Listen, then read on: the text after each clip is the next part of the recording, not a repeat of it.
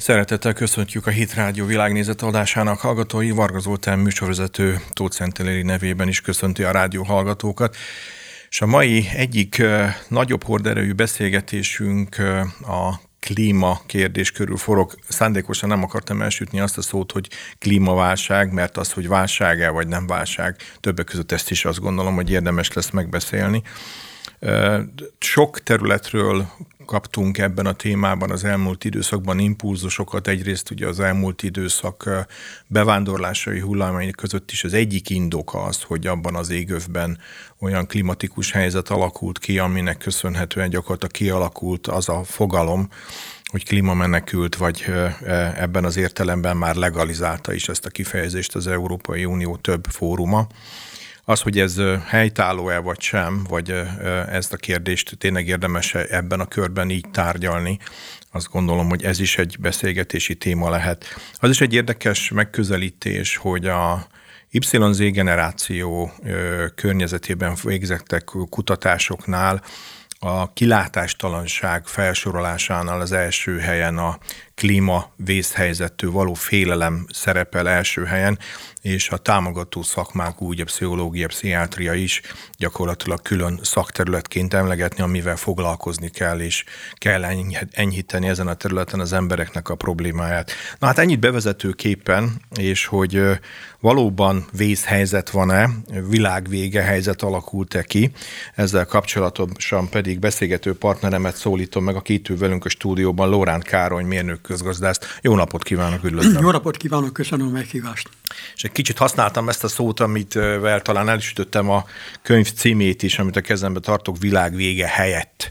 És a helyett szót szerettem volna nyomatékot adni, hisz azt gondolom, hogy az a mű, amit ebben ön leírt, az cím is jól fejezi ki, hogy van alternatíva gondolati síkon és technológiai síkon is. Tehát ahelyett, hogy Minden, elkezdünk kétségbe esni, ahelyett vannak más alternatívák is. Igen, én mindig azt szoktam mondani, mikor ilyesmiről kérdeznek, hogy én eredetileg villamosmérnök vagyok.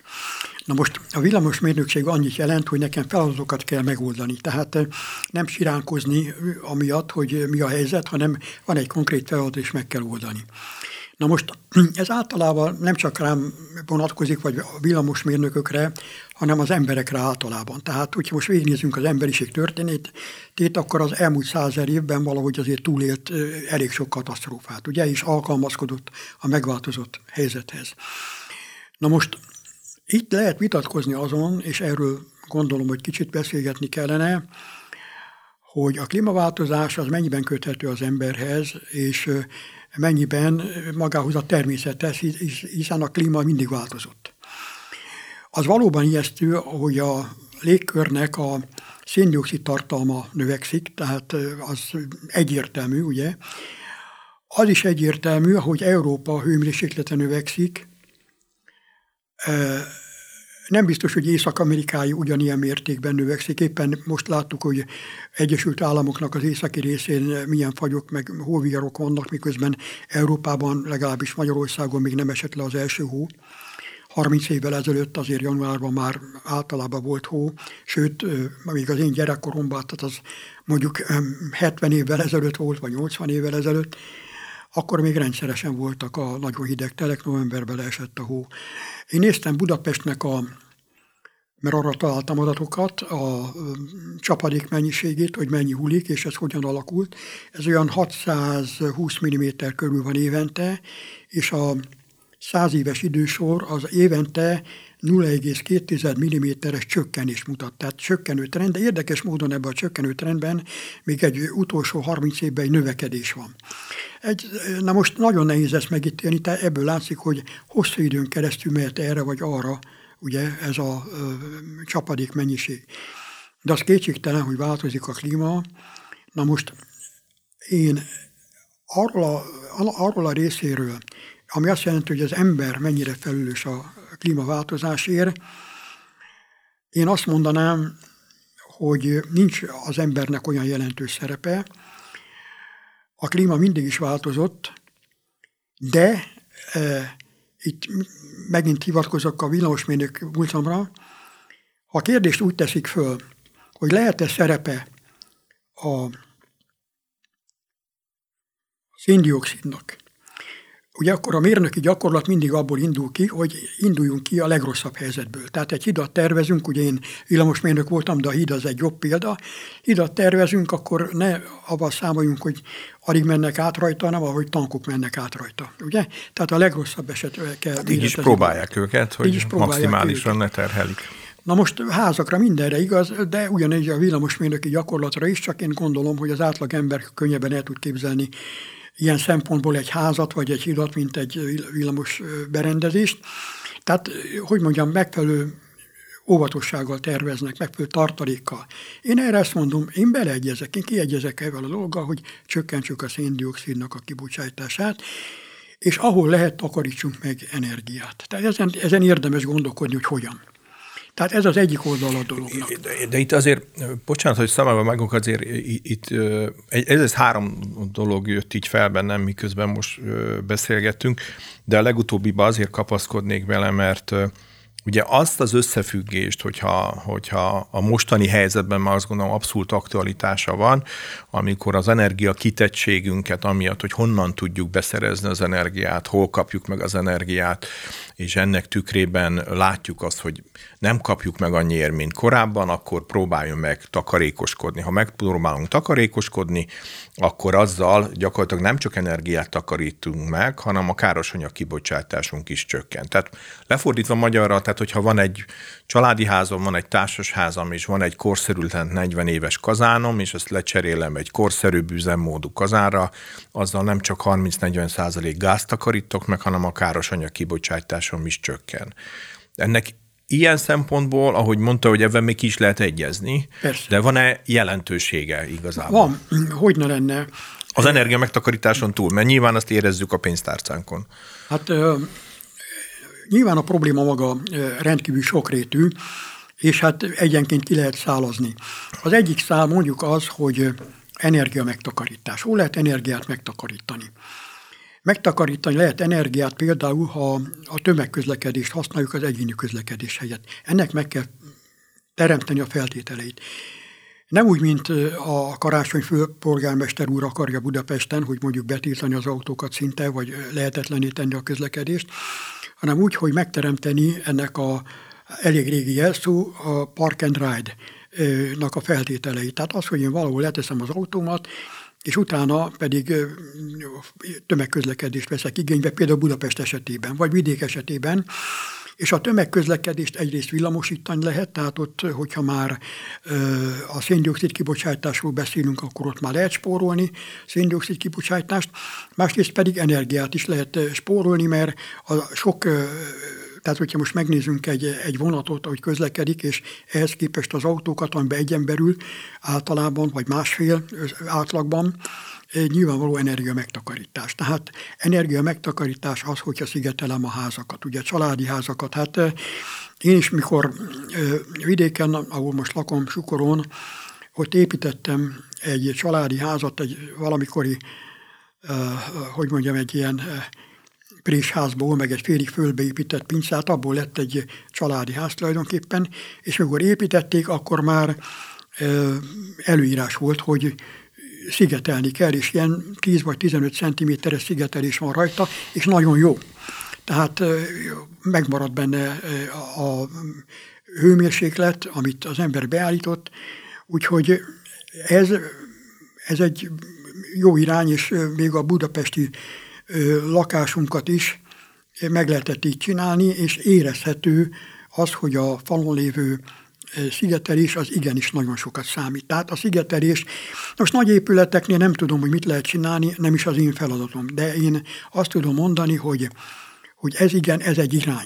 Na most itt tudni kell, számolni kell azzal, hogy ennek ideje van. Tehát ez nem úgy van, hogy csinálok egy döntést az Európai Parlamentben, hogy ezt jövőre meg kell csinálni, vagy erre vagy arra, hanem ezt mérnöki számítással, meg gazdasági számítással ki kell számolni, hogy milyen időt vesz igénybe, mennyi pénzt vesz igénybe, milyen háttér, ipar kell hozzá, hogy ezt fokozatosan megvalósítsák. Most ennek van egy másik ága is, ami most aktuális, ugye nem gazdaságpolitikáról beszélünk, de épp egy órával ezelőtt gazdaságpolitikáról tartottam egy ilyen hát szintén egy, egy, egy ilyen riporteri megkérdezésre egy ilyen kis előadást, és hát ugye az importtal vannak problémáink, ugye a külső egyensúlyjal, ugye hitelfelvétel, stb. Az, hogy ezeket a berendezéseket kiállítja elő, hogy mi Kínába veszünk mindent, vagy magyar cégek állítják elő a berendezéseket, ez megint egy olyan kérdés, amihez kapcsolódni kell. Tehát csak azt akarom érzékeltetni, hogy egy probléma, ez messze sugárzó, vertikális dolog, tehát egyszer elhatározom, hogy, hogy csökkenteni akarom az energiafelhasználást, az messze benyúlik, nem csak az, hogy a házakat szigetelem, hanem magába az egész ipar, magyar iparban, meg külkereskedelmi vonzatai vannak, meg, meg sok egyéb. Na most hát ez az egyik szála ennek a dolognak. Hazai viszonylatban egyébként az energia ellátás biztonsága, most nyilván az energiát szét tudjuk szedni különböző energiatípusokra, de a hazai viszonylatban egyébként az energiaellátás biztonsága és annak a itthoni előállítása, az mennyire egy racionális megközelítés? Teljesen már... racionális. Én ha hogy mondjam, nem régiben... Tehát, a, ilyen... tehát villamos energia kapcsán, akkor beszéljünk külön energiákról. Villamos energiát magyarul Magyarországon alkalmas olyan technológiákat fel tudunk sorakoztatni, amik el tudják látni a magyarországi energiaigényt, villamos energiaigényt. Igen. Na, ha erről hadd mondjak egy-két szót. Tehát ez is egy hosszú távú probléma, nem mai probléma. Tehát azt, hogy most 2023-ban hogyan lehet Magyarország energia, energiaigényeit kielégíteni, meg 24-ben, az egy rövid távú probléma, és akárhogy, bármilyen eszközzel, mert különben tehát a külső egyensúlyunk látja kárát, ugye megnövekedtek az árak, a fizetési mérlegünk az elmúlt egy-két néhány évben 10 milliárd eurót romlott, ami egy hatalmas összeg, úgyhogy bármi áron, hosszabb távon. Tehát ez 10-20 éves viszonylat. Magyarországnak energiaellátás szempontjából önállótónak kell lenni, és ez egyedül az atomenergiával lehetséges. Most az, azért is tettem fel a villamos energia oldalról, mert nyilván a gáz és egyéb energiák is izgalmas kérdések, de a villamos energia oldalról látni egy olyan trendet, és ezt nem tudom, hogy így van, ezt igazolja nekem vissza, hogy, hogy nagyobb energia háttérre rendelkező kvázi akár gazdasági nagyhatalmak is arra törekednek, hogy szinte lokális energiaellátások jöjjenek létre. Tehát hallani már gyakorlatilag olyan atomerőműről, ami szinte egy, egy várost vagy egy város és környezetét látja el energiával. Igen, pont erről írtam egy 20 oldalas dolgozatot a kis atomerőművekről, én korábbi iradások alapján azt gondoltam, hogy holnap bemegyek a kis boltjába és rendelek egyet, és jövő hétre meghozzák. Nem egészen így van. De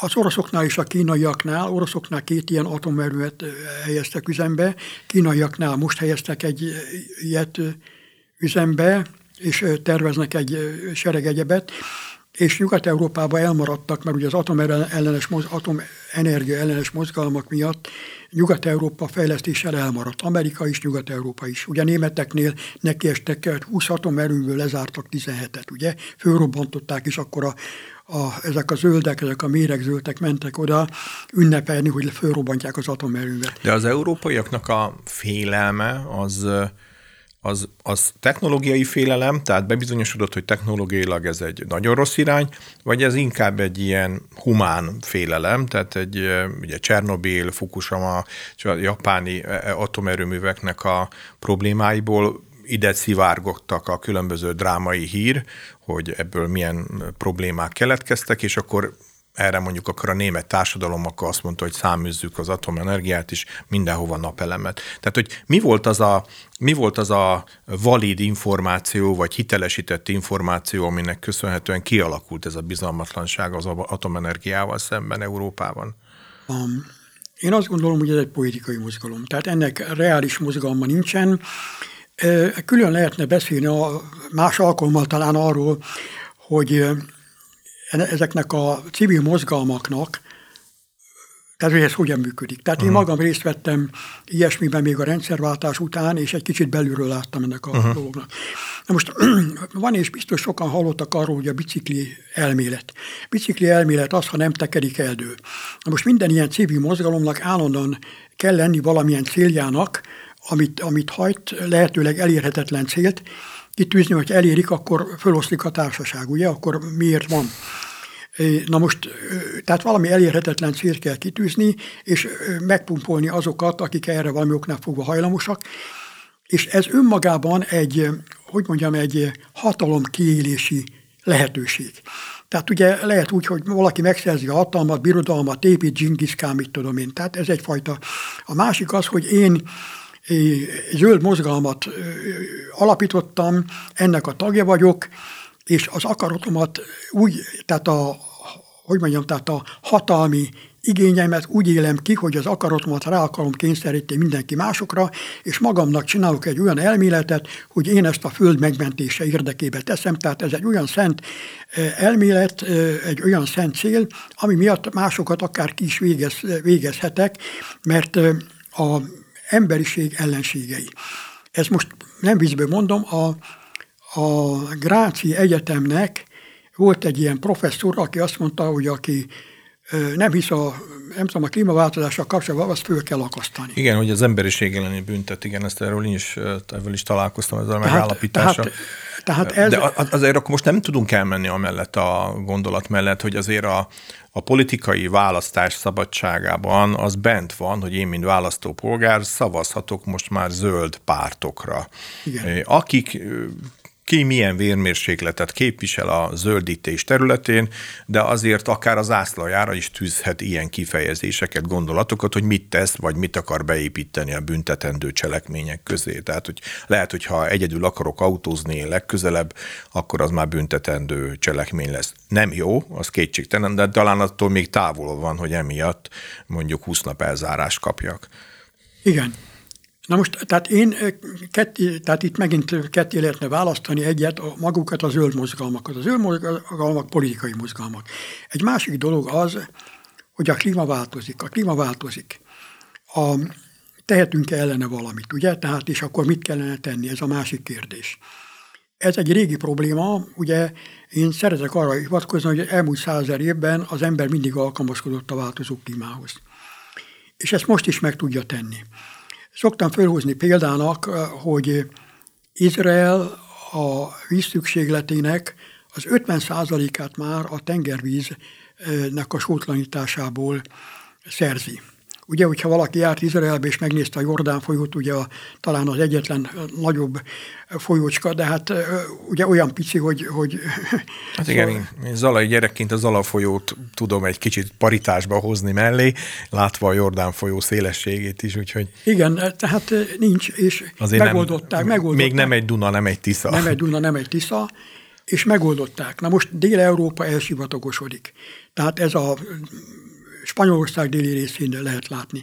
Szahara az terjeszkedik délre.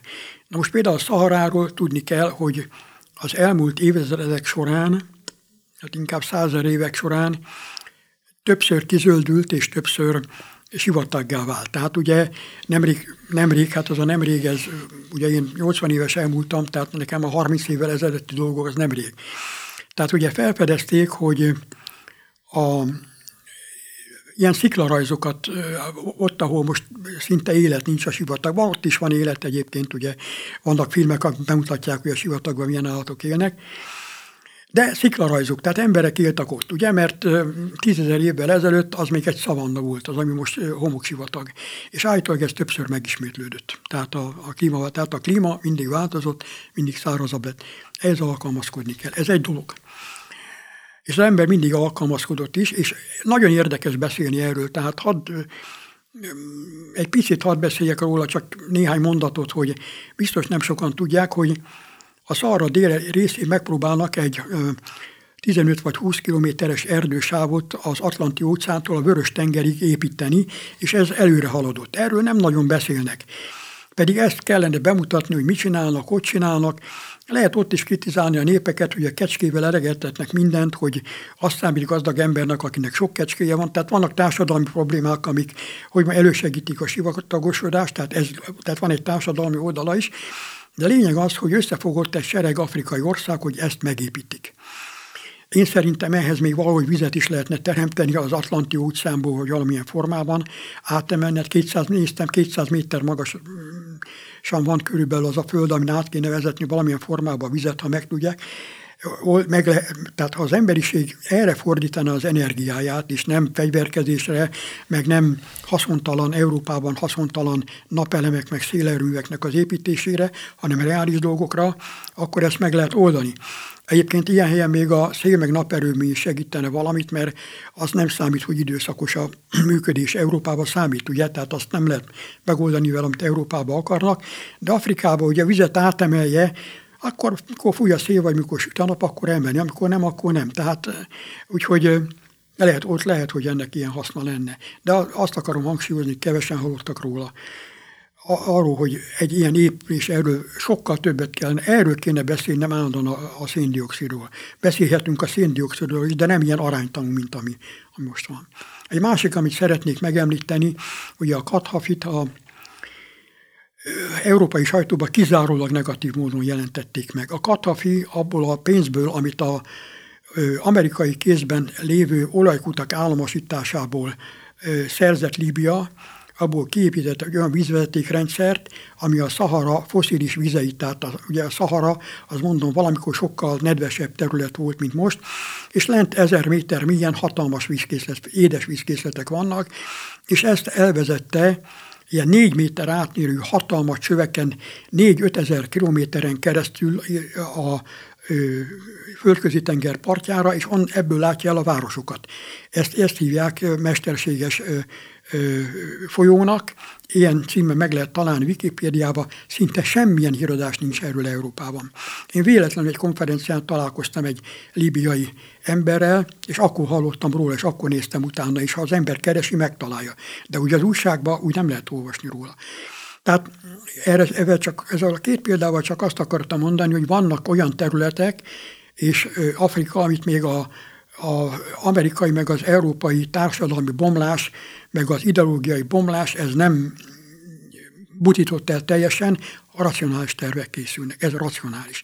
Amit Európa meg Amerika csinál a szélmalmokkal, meg, meg, meg, meg, meg naper, naperőművekkel, az irracionális, mert azt szoktam mondani, hogy azt lehet vitatni, hogy a széndiokszidnak mekkora a klímahatása, de azt nem lehet vitatni, hogy ezt szélerőművekkel, vagy naperőművekkel meg lehessen oldani, mert ez már számítás kérdése. És számításokkal bizonyítani, hogy nem lehet megoldani.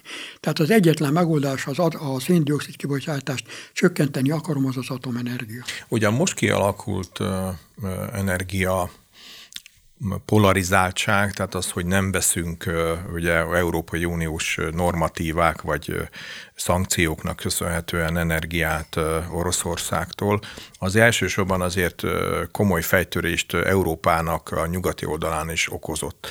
Hisz ki kellett alakítaniuk olyan fogadó állomásokat, ami ugye a, a csepp folyosá alakított földgáz fogadására alkalmasak, annak ki kellett építeni az infrastruktúrát. Ugye nagy hír is van belőle, hogy 7 hónap alatt, 10 hónap alatt ezeket képesek voltak felépíteni, de ugyanakkor az is hallatszik, hogy a régi hagyományos üzemmódú szenes erőműveket is fel kellett úgymond támasztani a tetszhalál állapotából, mert, a, a, mert a, ahhoz, hogy az energiállátás biztonsága meglegyen, ahhoz ezeknek az erőműveknek is be kellett kapcsolódnia, mert az eddig kiépített napelemes és szélenergia rendszerek nem képesek ellátni mondjuk akár Németországot ebből a szempontból. Azért jó példa ők, mert ugye Franciaország annyiban más, amit ön is említett példaként, hogy ők azért nem fordítottak hátat teljes mértékben az atomenergiának.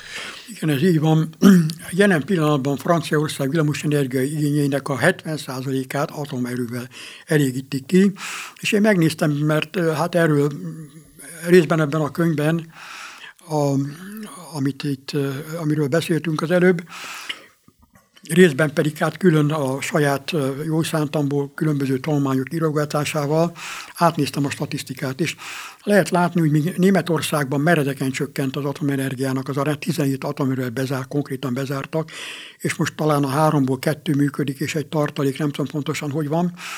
Addig, addig Franciaországban ez nem állt le, annyiban elhanyagolták, amit most ugye az újságok nagybetűsen hoznak, hogy ugye, hogy nem működnek, mert karban kell őket tartani, és egyszerre az 56 atomerőből 26-ot kell karban tartani, de hát ez egy rövid távú, tehát ez februárra, márciusra megoldódik, és bekapcsolódnak a termelésbe. Úgyhogy a franciák nem ijedtek meg, és ott sokkal nagyobb a elfogadottsága is. Na most úgy visszatérve egy kicsit, hogy Nyugat-Európában németek miért ellenezték, Hát azért, mert az újságok ugye a, a zöldeknek a hatására éjjel-nappal azt mondták nekik, hogy félni kell.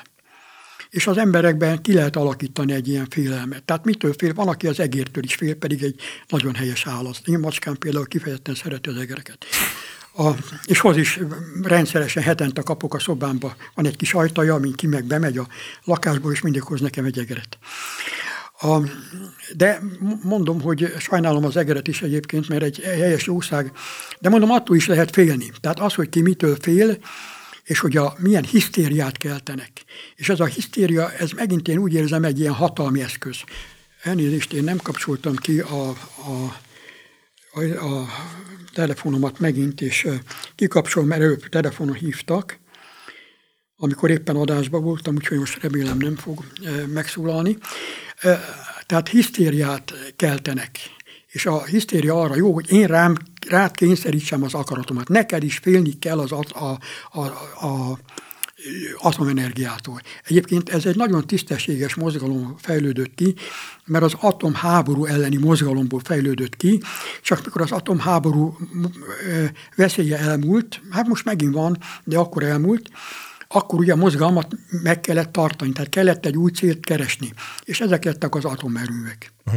Ez nem, nem, nem, nem úgy alakult ki az ön meglátása szerint, hogy ez több mozgalomnak egy ilyen összeredőjeként, mert ugye volt egy nagyon erős, már a 80-as évektől datálhatóan, de lehet, hogy még korábban környezetvédelmi vonala ennek, tehát ugye a, a szemétfelhalmozásoktól elkezdve, hogy a különböző káros gázok kibocsátásával, tehát volt egy környezetvédelmi vonulat. Akkor volt egy másik vonulat, ami ugye elkezdte ezt a klíma kérdést, ugye ebben ön már többször említette ugye a, a széndiokszid kibocsátásnak a mértékét, és ugye most gyakorlatilag egy mm, évtizede erősödött fel talán a, a ugye ezzel kapcsolatosan a, a, a bevándorlásokkal kapcsolatos problémakör, amit összekötnek nagyon erősen ezekkel a klímivel, a klíma kérdése. Na most ezek, ez a három tényezőnek a közös eredője kellően, ha sokat van mondva, hogy ön is mondta, akkor az már eredményeztetett egy ilyen össztársadalmi félelmet, tehát ezt a ugye szokták mondani klímahisztinek is, Igen. tehát hogy ezt a, ennek a kialakulását nem ezek ered, er, er, innen eredethető? De nagy részt, tehát én azt szoktam mondani, hogy egy valós problémát, és egy valós, én nem, én ugye mindig szoktam mondani, hogy villamosmérnökök nem a félelemről beszélek, hanem a megoldandó problémákról. Tehát egy valós problémát, hogy a klíma változik, hogy Európának a déli része kiszárad, hogy a Szahara terjeszkedik délfelé, stb. Tehát ezekre a problémákra keresjük a választ, és erre vannak racionális válaszok, hogy mit kell csinálni, és vannak irracionális félelemkeltés.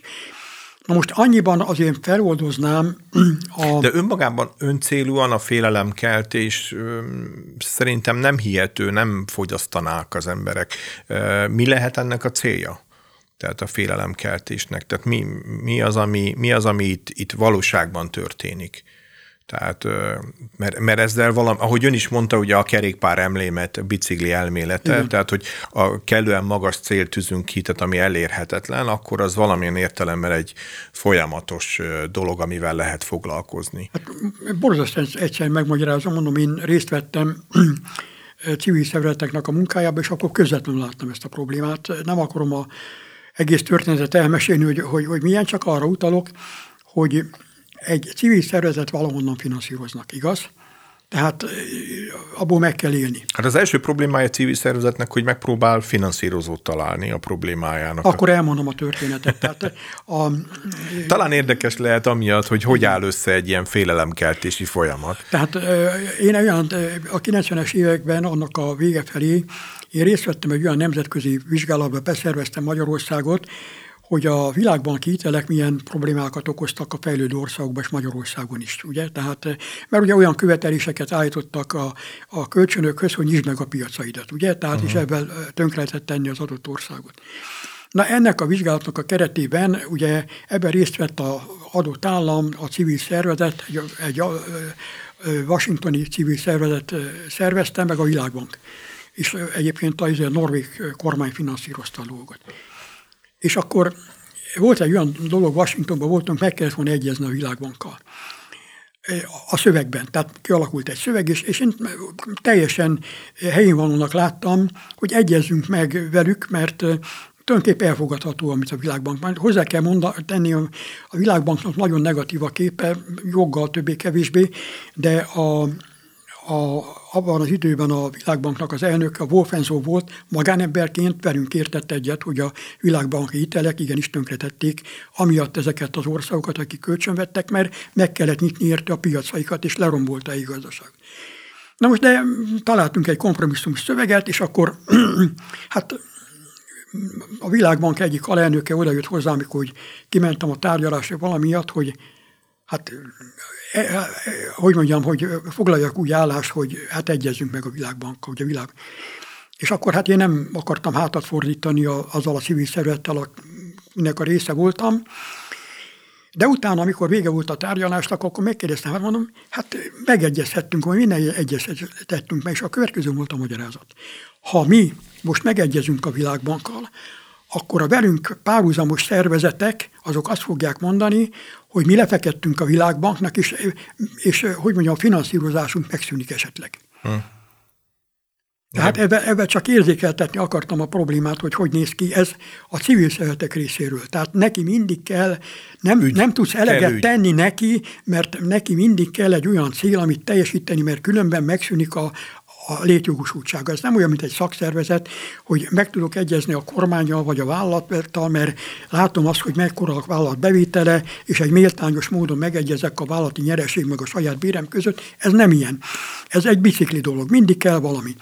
Na most, tehát ez, na most, de egy dolgot azért pozitívat fölhoznék, hogy a politikát borzasztó nehéz befolyásolni, és ezek a tüntetések, meg ezek a felvonulások, tehát így lehet valamire fölhívni a figyelmet. Tehát egyébként a politikusok nem hallgatnak rá.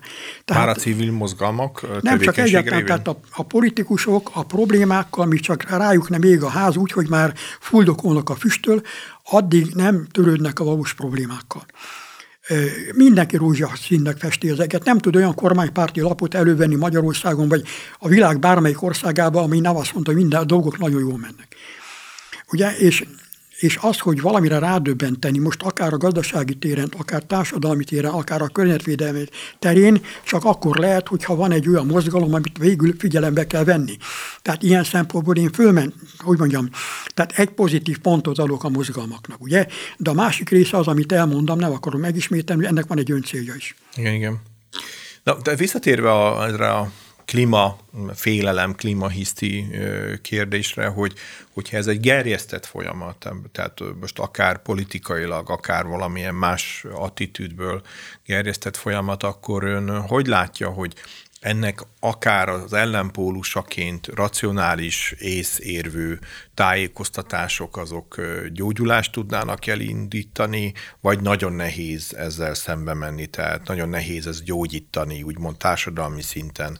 Szóval, én azt gondolom, hogy igen, csak a, a média az hihetetlen mértékben elfogult. Nem csak a magyar, hanem a nyugat-európai is. Hát úgymond egy, teljesen egy oldalú. Tehát a, ez a klímahiszti, ez a politikai, szint, a politikai szintre megy, tehát például vegyük az amerikai dolgot, ugye, amerikai választásokat, ugye, ugye a Trump, ugye, az nem hitt ebben a dologban, ugye, a demokraták, azok, azok pedig az, demokratáknak volt ez a klímahiszti, tulajdonképpen őt, ők indítottak el, az Algor, meg ezek. Tehát ennek nagyon erősen összefonódik a politikával és tessék nekem olyan újságot mondani Magyarországon vagy a világon bárhol, aki ma reális képet akarna bármiről is festeni. Tehát ugye, hogy mondjam, a reális kép az az, hogy az ember kiszedik, kinek ebben, abban kinek van igaza, ugye? Tehát megpróbálva nem lehet. Ugye erre szokták mondani, hogy bibliai idézetként, bár a Bibliában nem így van benne, hogy a langyosokat az Isten is kiköpi. Nem így van benne a Bibliában, de ezt szokták mondani. Tehát nem lehet langyosnak valaki vagy ebbe az irányba el, vagy abba az irányba el, és aki meg egy normális gondolatot akar kifejteni, ami nem pártelfogult, azt meg nem hallgatja meg a kutya se. Uh, igen, bár én, én azért föltenném az ezt a kérdést, hogy akkor, amikor egy társadalmi igény van arra, hogy én, én őszinte szavakat halljak, tehát mert engem az megnyugtatna. Tehát engem, mint állampolgárt, szavazópolgárt, a társadalom egyes tagját, engem az megnyugtatna, hogyha ö, racionális észérvekkel megpróbálna valaki elém állni, legyen az politikus, legyen az média felület, én azt gondolom, hogy a Hit Rádió ezen a felületen azért próbál, azt gondolom, megfelelni ennek az elvárásnak, hogy, hogy racionális és igaz gondolatok mentén haladjon, de ön szerint ez miért nem tud ez a kapcsoló bekapcsolódni? Tehát mi lehet ennek az oka? Hát vegyük Magyarországot mondjuk kiindulásnak. Hit Rádió. Én nagyon szeretem a Hit Rádiónak az adásait, mert így, ahogy mondta, sokkal reálisabb képet nyújtanak a, azokról a problémákról, amiket felvetnek, mint amit általában lehet hallani. És akkor föl lehet tenni ezt a kérdést, hogy mi nem lehet ugyanezeket a vitákat megtenni mondjuk a királyi tévében, tévékben, vagy, vagy egyéb helyeken, ugye? Tehát akár a, vagy az ellenzéki tévékben. Tehát miért nem lehet ilyen vitákat Magyarország? Nyugat-Európában még, meg pláne nem. Tehát itt Magyarországon én nyugati barátaimnak azt, szokták, azt szoktam mondani, mikor azt mondják, nincs demokrácia, itt demo, nincs demokrácia, vagy sajtószabadság. Mondom, egy kattintással az ellenközét hallgatod annak, amit mit tudom én, a kormány tévé meg egyéb mond. Ugye náluk pedig kizárólag az van. Hát most, kizár, most pláne, hogy háború van, ugye minden lehetséges alternatív véleményt kizártak, ugye? Hmm. Hát Na most ezen akkor megint el lehet gondolkodni, miért ennyire egyoldalú, és ennek ez az oka szerintem, hogy ahogy a vállalatoknál is az elmúlt 30 évben egy hihetetlen koncentráció ment végbe a médiában is, egy-két család vagy egy-két csoport uralja az egész nyugat-európai, észak-amerikai médiát, és az, ez olyan, mint egy, én azt szoktam mondani, egy zenekar, hogy ugyanazt a dallamot játsza, csak legfőjebb az egyik zongorán, a másik pedig hegedűn, vagy a harmadik, mit tudom én, penget valamilyen hangszert hozzá, és, de ugyanaz. És ha ebből valami ellentétes, azt van ilyen is Nyugat-Európában, de az olyan esetleg, mint a hitrádió. Tehát, hogy a interneten van egy kis befolyása, hát mondjuk gondolom itt rádiónak nagyobb befolyása is van. Vannak ilyen, én ezt keresem is a kapcsolat, ezt megmondom őszintén, hogy egyik fő foglalkozásomnak tekintem most, ugye hát én nyugdíjas vagyok már régen, hogy kapcsolatot találjak az úgynevezett alternatív médiával. Tehát az alternatív média az a média, amelyik igazat akar mondani. Az alternatív, tehát amelyik nem húz egyik irányba se, másik irányba se, hanem az igazat próbálja mondani. Van ilyen. Csak Svédországban négy ilyen médiával sikerült kapcsolatot létesíteni. Nekem egy nagy álmom, hogy ezeknek a médiáknak a vezetőit le tudjam Európában, mit tudom én, egy ilyen 10-15-20 média vezetőt egy asztalhoz ültetni, és az, hogy ismerjék meg egymást, hogy ki mit csinál, próbáljanak műsorokat cserélni valamilyen formában, hogy ugyanarról a dologról hogyan vélekednek itt, ott, amott, akik olyan szakemberek, akik szabadon beszélhetnek. Hm. Én ezt azt gondolom, hogy üdvözölni kell ezt a kezdeményezést. Visszatérve az alaptémánkra azért én igazából azt gondolom, hogy az, az mindenképpen egy izgalmas kérdés lehet, hogy addig, amíg valami mögött támogatás van, ugye ön is mondta, hogy a civil szervezeteknek ugye gyakorlatilag a támogatói szűnnének meg, ha egy ügyük megszűnik, tehát magának a civil szervezetnek az ügye megszűnik. De azért az látszik egyértelműen, hogy a, az elmúlt akár hány költségvetési időszakot most gyorsan visszamennünk, ugye 7 évesek az uniós költségvetési periódusok, azért a klímakérdés az, az ilyen exponenciálisan nőtt a támogatásoknak az aránya. Tehát mondjuk a mi uniós csatlakozásunk az 2004-ben volt, ha onnantól kezdve megnéznénk ezeket a 7 éves támogatási ciklusokat, most már szinte azt lehet mondani, hogy az össztámogatási aránynak a 60-70 százalékát eléri, amiben valamilyen klíma összefüggés van. Lehet ez társadalompolitikai kérdés is, tehát mondjuk a bevándorlók integrációja, de hogy klímát ügyel foglalkozni kell, az egész biztos. Ez nem lehet, hogy eltolja, eltorzítja ez, pont ezért ezt az irányt, és gyakorlatilag akarva vagy akaratlanul, de erősíti ezt a klímahiszti jelenséget? Hát azt, hogy mondjuk igen, tehát a, én elválasztanám a környezetvédelmet, aminek a támogatása helyes, a klímahisztériától, ami, ami helytelen és károkat okoz. Uh-huh. Na most kifejezetten helytelen iránynak tartom ezeket a szélerőműveket és a naperőműveket, mert számításra lehet bizonyítani, hogy ez nem hoz Európába megoldást. Az, hogyha nekem van egy kis tanyám valahol, és fölteszek ami egyébként igazán hasznos ebből nem a napelem, hanem a napkollektor, az valóban. Tehát ott a napenergiának lényegesen nagyobb részét lehet hasznosítani, és a fűtésbe besegít. Tehát lehet ilyet, meg ott föld hogy mondjam, ezt a, tehát a geotermikus energiát is lehet bizonyos fokig használni. Tehát ezt lehet ilyen passzív házakat, de jó sokba kerül, de ez általában nem, tehát az, hogy ilyet lehet csinálni, az egy dolog, de amikor van 3 millió lakás, vagy 4 millió, azt egy, mondjuk egy magyarországi területen azt így nem lehet megoldani. Tehát most... egy ilyen 60-80 éves vagy 100 éves korosztályú ingatlan állomány esetén most ezeknek az áthangolása akár alternatív energiákra azért az elképzelhetően, elképzelhetetlenül nagy kihívás. Ne, nem, meg hát vannak technológiai folyamatok, gyári folyamatok, tehát ezt nem lehet meg, hát ugye az energiaszolgáltatásnak állandónak kell lenni, ugye, tehát nem lehet az, hogy éjszaka nem, amikor mondjuk leginkább mondjuk szükség van mondjuk fűtésre, vagy vagy télen, amikor nem süt a nap, ugye akkor fűtünk. Szóval a, én azt gondolom, hogy egy picit, ugyanis én, én nagyon unió ellenes vagyok, mert mondom, ott dolgoztam 20 évet, már úgy, hogy 10 évet az Európai Parlamentben, és utána még kapcsolatom volt európai parlamenti képviselőkkel is, a, tehát az anyagaikat azt rendszeresen átnéztem, és sok rosszat tudok róluk mondani, de hadd mondjak mondjuk egy pozitív dolgot is, hogy azért ez változóban van. Tehát most az, hogy például az atomenergiát már nem ítélik el, uh-huh. ugye nekünk azért is csúszott a Paks 2, mert harcolni kellett azért, hogy egyáltalán az atomenergia, ugye? Az osztrákokkal például, ugye? Tehát az, hogy földrengés van, ez van, az van. Osztrákok megépítettek egy atomművet, és népszavazással leállították, ugye? Ott a, megé, a kulcsra kész atomerő áll. És de most már van olyan, hogy bevették ebbe a taxonómiába az atomerővet, tehát lehet támogatni atomerő építését.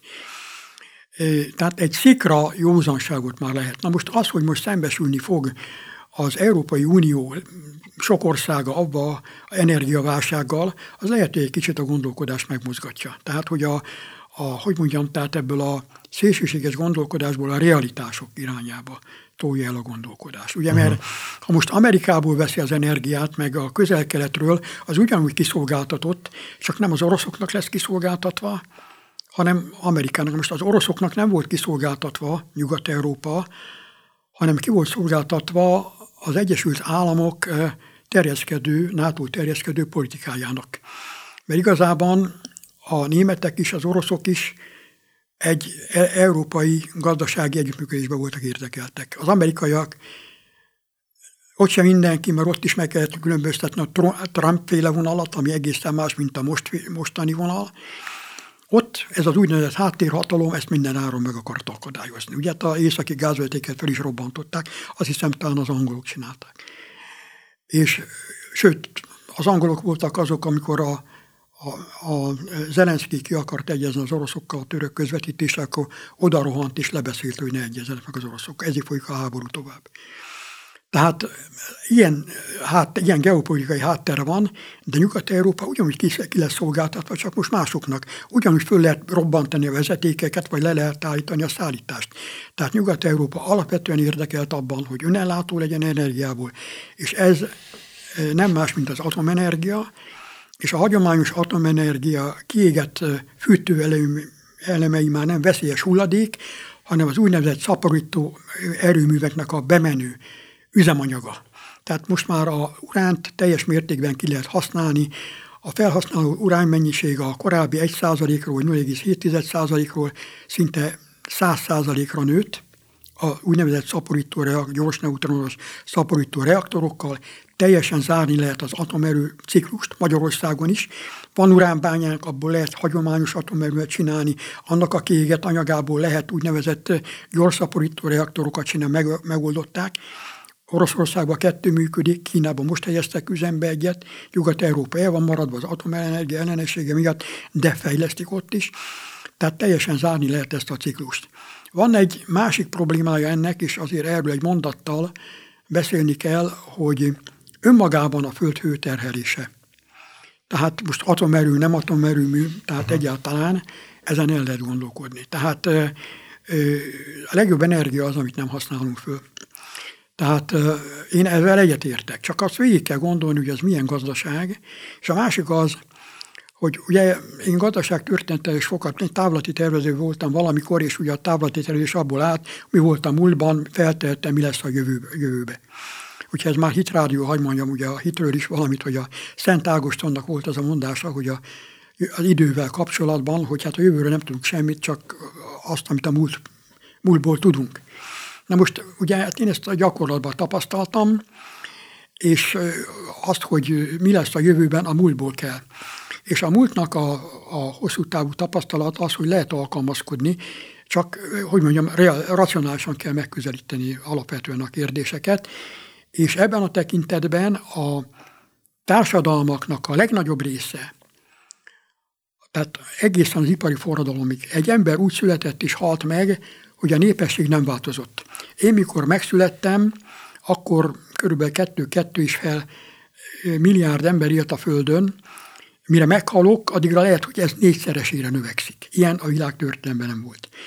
Na most ez azért egy hatalmas terhelés, és akkor ezt végig kell gondolni. Egyébként, ha itt is az ember végigveszi a számításokat, akkor ez úgy néz ki, hogy ez 2100-2150-ig még növekedni fog, elérjük a jelenlegi 8 milliárddal szemben a 13 milliárd, de utána csökkenni fog. De aztán hogy esik össze, az megint egy más kérdés. Kína. Milyen probléma volt nekik, hogy leállítsák a, a népesség növekedést, ugye az egy kötelezték, hogy csak egy gyerek lehet, emiatt a lánygyerekeket meg is nyugasztották ugye, és borzalmas aránytalanság alakult ki a férfi és a nő között. És most már a teljes termékenységi ráta náluk 1,5, a 2,1 helyett, ami a népesség fenntartását kellene, és most már mindent megcsinálnak, hogy legyen gyerek. Ugye? Tehát most már megint támogatják a két gyereket. Tehát itt a beavatkozás is veszélyes, nincs optimális megoldás. Tehát Indiában meg ugye nem csinálták meg, ott a Rajiv Gandhi akarta, de ott akkora volt a ellenállás, ugye Kína diktatúra volt, meg tudták csinálni, Indiában nem. Viszont az, hogy Indiában nem fognak-e milliók éhen halni idővel, illetlenül, tehát hogy keletkezik egy olyan, olyan bukfenc, mint most mondjuk a, a Covid, de a növényeknél, hát ezt nem lehet előre megmondani, ugye, mert én emlékszem, amikor Indiában még csak 400 millió ember élt, de éhínség volt, ugye. Jött a zöld forradalom, túlélték, de most már 1,5 milliárdan vannak. Hát 1,4, hogyha egy, 1450 körül. Egy záró kérdést engedjen meg számomra, hogy uh, az önmeglátása szerint egyébként a, a, a klímaváltozásokkal kapcsolatos kérdés, amit ugye nem vitatunk, tehát ugye mind a csapadék, mind a hőmérséklet területén ön is a bevezető gondolataiba is mondta, hogy van változás, tehát látszik egyfajta tendencia. Lehet, hogy földrészenként más-más, de, de azért van bizonyos fajta tendencia. Ugye ott a, a klímavédelemnek van egy ilyen hármas fogata, hogy az, a, az adaptáció, mitigáció, meg a szemléletformálás kérdése. Most a mitigáció ugye az gyakorlatilag próbálja a technológiák területén felmutatni a lehetséges alternatívák. Az adaptáció az, hogy megpróbálunk hozzá alkalmazkodni, hőszigetelünk, nyári időszakban megnyitjuk a templomjainkat, a bevásárlóközpontjainkat, hogy az emberek be tudjanak menni a hűvösebb helyekre, a hirtelen csapadékokkal kapcsolatosan pedig ilyen csapadékgyűjtő rendszereket, csapadékelvezető rendszereket találunk ki, ami egyébként nem egy nagy találmány, mert régen is ugye nem betonoztuk ki az árkokat, hanem hagytuk, hogy ott hasznosuljon a víz, ahol, ahol leesett.